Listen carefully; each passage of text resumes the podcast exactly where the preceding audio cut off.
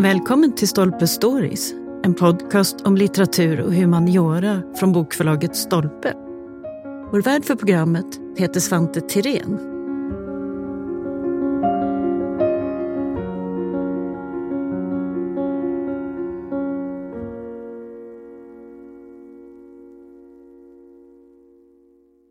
Thomas H. Mawson var en brittisk trädgårdsarkitekt och en av de mest inflytelserika rösterna inom det tidiga 1900-talets trädgårdsrörelse.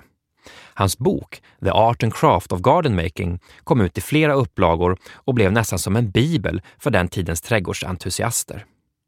Mawson han förespråkade följsamhet med naturen, intima rum och en växtlig variation. Och faktiskt lever hans ideal och tankar kvar än idag. Nu har bokförlaget Stolpe gjort ett nytryck av boken från 1926. I det här avsnittet så pratar vi med konsthistorikern Clive Aslett som är med på länk från England. Han ska förklara varför vi fortsätter att fascineras av Mawson och hans tankar om den levande trädgården. Very welcome Clive! Thank you! Let's set the scene a little bit. I mean, today, especially here in Sweden, we associate England with gardening. I mean, it's emblematic for England, really. But if we look at the time of Mawson, Victorian times, when he's born, is that the case then? Is gardening a huge phenomenon, or, or what's it like in the late 19th century? Well, I don't think flower gardening had the kind of reach that it does now. Everybody in the country, every working person in the country had a garden, but it was to produce vegetables, and they would have had a few native flowers scattered amongst the vegetables to make them to give beauty to the eye. But it was very important for gardens for uh, families to have these gardens because that's what they put on the table. But I don't think there was the obsession with creating, for example, beautiful lawns, which became such a thing when I was growing up in the 20th century. So it, it was a movement, but it was it hadn't yet reached this sort of huge sort of public interest in the in the way we see today. No, great landowners like the Duke of Devonshire spent an absolute fortune on building glass houses, for example, and they had spectacular gardens. Uh, the great landscape architect of the 19th century was William Andrews Nesfield, and he was really the king of, of bedding out, as it was called. And so that meant that uh, a lot of tender plants were grown under glass. They were very brightly coloured, and at different stages of the year, they would be put out in great displays on parterres or terraces so that they formed geometrical displays, which subsequently would come to be regarded as rather gaudy. Another feature here in Victorian times is, of course, that there are much more public parks emerging. I mean, not least because of urbanization and cities grow larger, and there are more parks accessible to the public now. Yes, that was a phenomenon really from the beginning of the 19th century, where it was an expression of what we call the picturesque movement, which was again associated with landowners in the country, particularly because they were making their gentlemen's parks into things that were equivalent to the paintings of Claude Lorrain and the landscapes that they'd seen when they'd been on the grand tour in Italy. And that was a huge movement. Um, landowners spent a fortune on moving earth to make hills and to reshape the landscape and planting thousands and thousands of trees, which of course they knew they would never see in their maturity. That was something they were leaving for their grandchildren. But it was a big, big debate. And this came into London when George IV, as Prince Regent, wanted to make some money by redeveloping some of his property, and he created Regent's Park and a route from Regent's Park, which ended in St James's Park. So it went from one park to another, and those parks were publicly accessible, but they were really, if you like, created for a kind of gentlemanly or indeed princely aesthetic. Public parks as a movement were something more associated with the later part of the 19th century. And it didn't perhaps spur people, you know, going home and growing their own plants necessarily in that sense. No, I think that people's interest in plants, most people, was kind of much more practical. Now, Thomas H. Mawson, he was born in 1861 in Lancashire and he had quite uh, humble origins, let's say. Yes, his family was nonconformist, it was deeply religious. His father had been, I think, something like a bricklayer, but then he had the idea that he would start a nursery, and Mawson had to help with his brothers, I think, in this nursery. But his father was not a very practical man, he wasn't a good businessman, and on top of everything, he then died when I think Mawson was about 12. So Mawson, at a very young age, had responsibility thrown on his shoulders. He, so he didn't have very much formal education, but he was determined to take his, the knowledge that he'd acquired from working in this nursery and to develop it and to make this his business, his career. And it became quite successful. So eventually he could focus on garden design entirely, but he really started out as a sort of a, how should we say, an, an entrepreneur, a businessman? What's his sort of. Yes, that's true. He, he There were great nurseries developing. I think particularly in London. And he worked for these nurseries, which were growing seeds for, well, largely uh, it was a trade in seeds, which could be sent around the country or indeed around the empire. So he worked for these nurseries, which enabled him to get a very profound knowledge of of the plants that were available. But he his interest was in that, but he, he saw a greater opportunity in design. Considering how successful he became eventually, is his background unusual? Well, we would tend to contrast it in this country with the career of Gertrude Jekyll, who was his contemporary, who these days I would say a better known, quite quite substantially better known gardener. Her work is very uh, rightly is very popular. She came from a different world. Um, her father had been an army officer. He had retired. They were very well connected, but not enormously uh, rich. But she grew up in an intellectual atmosphere. Her parents had lots of intellectual and artistic friends.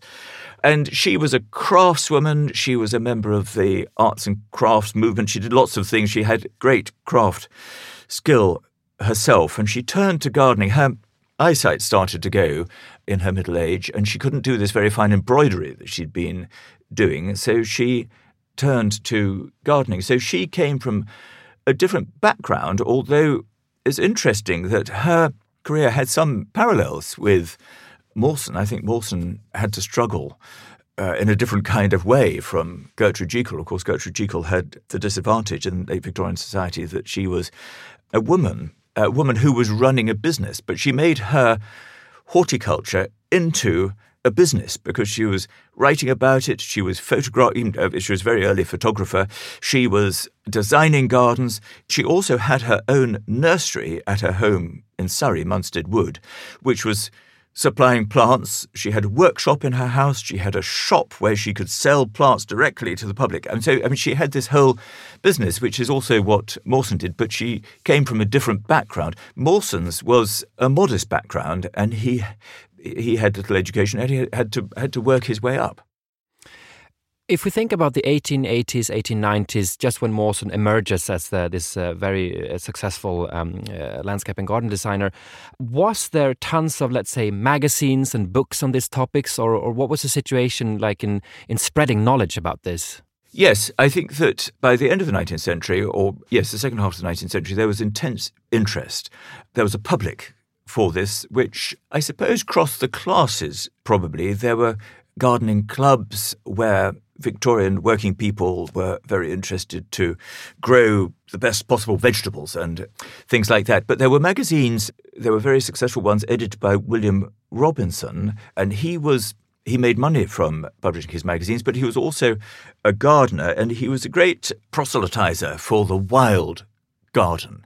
He was taking a stance which was in opposition to all this bedding out, which was very artificial, and he thought that the beauties in nature were what should be brought into the garden. So uh, I think his I'm just trying to remember the name of his journal. I think it was actually The Garden. But uh, also there was John Claudius Loudon. He, he uh, Loudon was slightly earlier than Robinson, more in the uh, mid-Victorian period, but he was he was a bit less of a gardener than an encyclopedist. He he made his living from writing, but he had to write just the most enormous number of books and magazines, but they were also uh, focused on this question, on, on the broad question of how to design domestic life to give the most satisfaction. So there was, if you were interested in this in this time, there was a lot of, of magazines and books. There were things to read about this, simply. Absolutely. And the fact that there were these magazines shows that there was a public who was interested too. If we go back to Mawson, then, what's his style? I mean, when he makes his breakthrough here around the 1880s, 90s, what do they look like, his gardens? What characteristics are typical for Mawson? Well, he worked with architects. He, uh, one was called Mallows, there were various others, but there were two schools, really, which emerged at the end of the 19th century. One, which I mentioned, was William Robinson of the Wild Garden, but there were other people who were often architects. There's one called Sedding, there's one called Blomfield. They were interested in the setting of the house, that the house and the garden should be part of the same idea, if you like. And so they wanted greater formality in the way that gardens were organized. Uh, partly through architecture with terraces and balustrades and fountains and sundials, which were going to give structure, but also through the use of, for example, yew hedges, which could create a sequence of managed space of kind of outdoor rooms, as I think uh, we'd now call it. And Mawson was influenced by both these traditions, and I, I, I would say tried to achieve a sort of synthesis of gardens that had this structure possibly stepping down to a lake or something like that, but also had elements of informality, not quite complete wilderness, as perhaps Willie Robinson might have advocated, but uh, it, um, informality and and a, and, a, and a kind of more relaxed look. So it's also a sort of a merge between the built and the grown architecture, let's say. Yes, it's a marriage of the two. As a parallel, of course, we have the whole arts and crafts movement, which of course uh, celebrates, uh, you know, the handmade uh, before the machine made, and the whole design aesthetic philosophy and so on.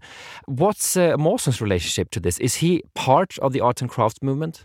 Yes, you know, there were different kind of gradations to the arts and crafts movement. There were some people who were very extreme and, for example, thought that things could only be built of the actual building materials you found on the site. Of course, that was extremely limiting and they didn't necessarily make a big success. But there were others who were more, who more broadly subscribed to the principles. Uh, I think that Edwin Lutyens, with whom Gertrude Jekyll worked in a famous collaboration. I think that he was more on on that side. He he liked it was an idea, but it was an idea which you didn't have to um, apply with kind of religious zealotry. And mm. I think Mawson was the same. That he uh, broadly subscribed, but um, he wasn't on the extreme extreme wing. So there, there, right, there is a relationship, but he has his own way of, of interpreting this yes. and, and being part of it. Yes. Now, of course, his commissions are becoming grander and grander. He becomes a very successful uh, person. There are fantastic gardens still preserved today, as we mentioned, uh, you can see. But what about his writing career? When does he decide that he wants to write an instruction about this? Well, writing was important and the public, publication was important in the late 19th century. Jekyll and Lutyens were particularly associated with the magazine Country Life that had one view of architecture and it published masses. Uh, this was a great time for English domestic architecture. It was admired throughout Europe, really, because Britain was a rich country which had a long and stable tradition it hadn't been invaded very much or fought over for a long time. And so domestic life was thought to have evolved to a high peak, both in terms of the house and the garden. So country life had one view, but there was an international interest in what was happening in Britain, which was satisfied more by publications such as The Studio, which had a broader European distribution.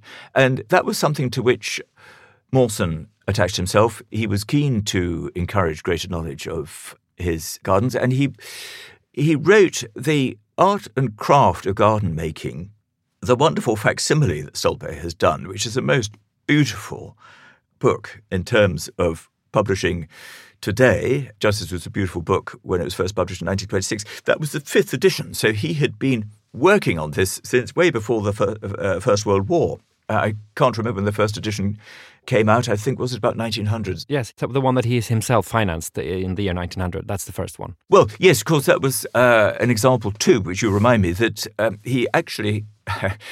he put his own money into it. He he was somebody who was rather on the outside. As I say, these other uh, gardeners, typified by, or at least Gertrude Jekyll herself, she had to work very hard. She she had uh, the obstacle of being uh, a woman in what was, in a sense, a man's world because everybody working in the garden, all the head gardeners, they were all men. But she had more connections in publishing and didn't have to finance these things herself, whereas Mawson did. So um, he was struggling, battling all the time.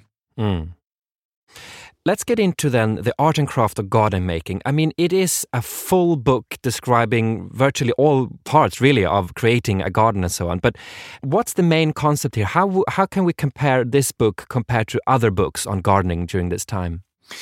Well, I think that Mawson was trying to make his subject accessible, and he was publishing all sorts of ideas, really. And these were ideas really for the middle classes. A lot of them were ideas which involved objects as, as a focus of composition, a sundial or something like that. Indeed, embossed on the cover, I think, is a is a sundial.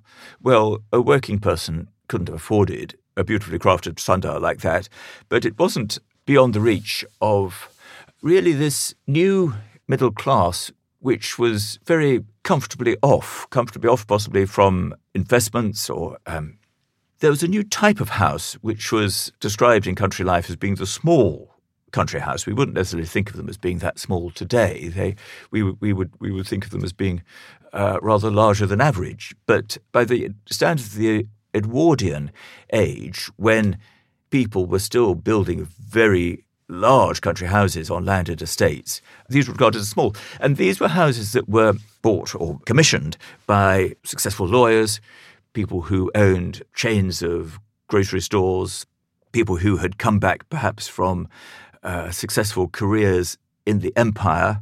There was a new public who could afford these quite large houses by our standards and not a great landed estate, but say what we would regard as a very substantial garden of, you know, 10 acres or, or, or more, perhaps.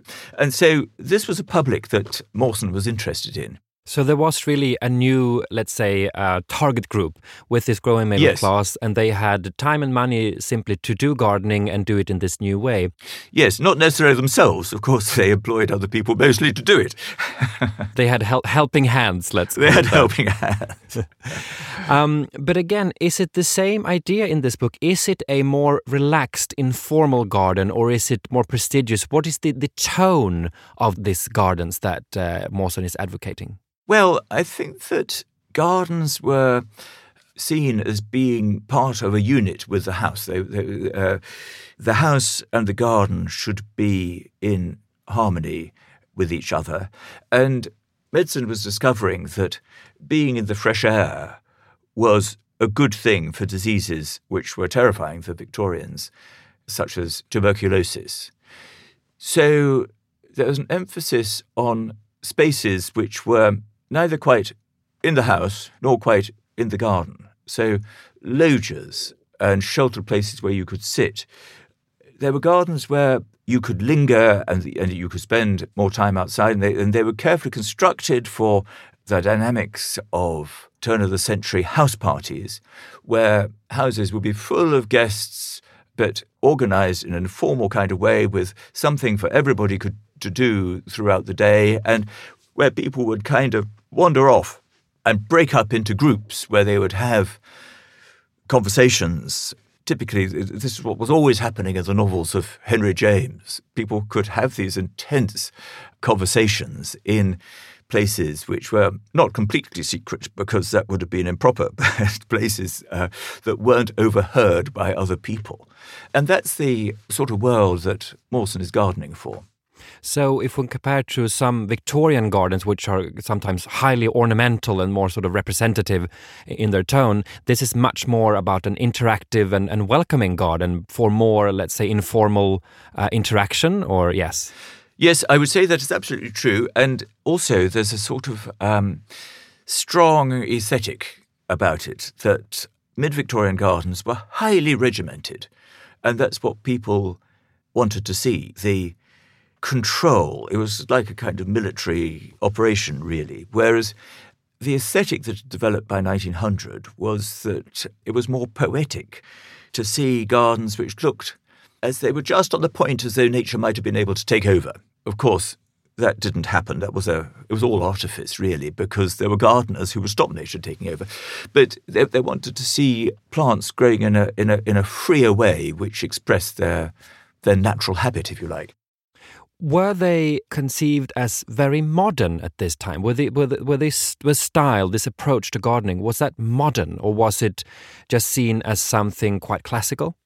Well, I think that there was a kind of paradox that the old fashioned was regarded as modern. People were looking to the gardens of the past, what they might have called the old English garden. That curiously was modern. So it was um, it wasn't when we use the word modern, we tend to think of things that were very that are very hard edged and a machine aesthetic. There was nothing like that in a Mawson garden. That wouldn't have been what he liked at all. But they were modern in the sense of introducing new ideas to the Edwardian age. Mm. And finally, today, if we want to experience a typical Mawson garden, wh where do we go? Well, Rydal Hall in the Lake District is a very good example. The Lake District is also where Mawson began his career. He was very much associated with the north of England rather than Jekyll and Lutyens, whom I've been mentioning, who were in what we call the home counties around London. So it's a particularly appropriate one from point of view of its location in a beautiful setting, which is looking out over the natural landscape, but kind of punctuated or articulated, I should say, with urns and balustrades and other built forms to give kind of structure. That's a wonderful Mawson garden, which is beautifully presented. But in a way, Mawson's legacy wasn't just about private gardens. He was very early and had an extraordinary career in the creation of parks and also the gardening of complete communities, land, landscape, uh, landscape architecture, really. He had a great patron in this country, in Lord Leverhulme, who had been W.H. Lever, who'd originally made his fortune from making soap, and he was a very progressive and interesting man. He later had plantations to grow the oil, palm oil, that he used in his soap, um, which came from Africa. And he had a great fortune. He was enormously interested in architecture. He was almost um, neurotic in the way that he would have building projects that were on the go all the time.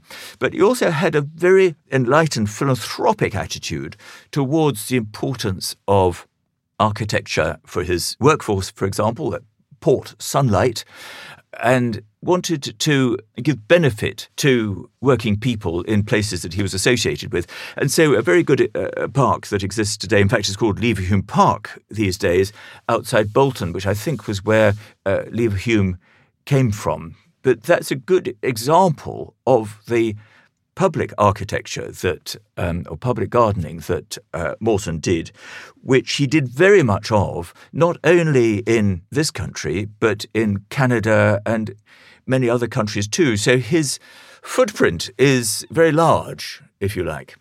There was just something about him that translated very well into different countries and different parts of the, of the world, even. Yes, I think he had this. I think the perhaps the most important idea of Mawson's was that while he had begun gardening for rich people who lived in country houses, he felt that the qualities that they were enjoying could be amplified for urban people in many different places really around the world. And in that, I think that he was really new. And now, of course, his legacy continues with the new edition of this book called The Art and Craft of Garden Making. Thank you so much for joining us, Clive. Thank you very much.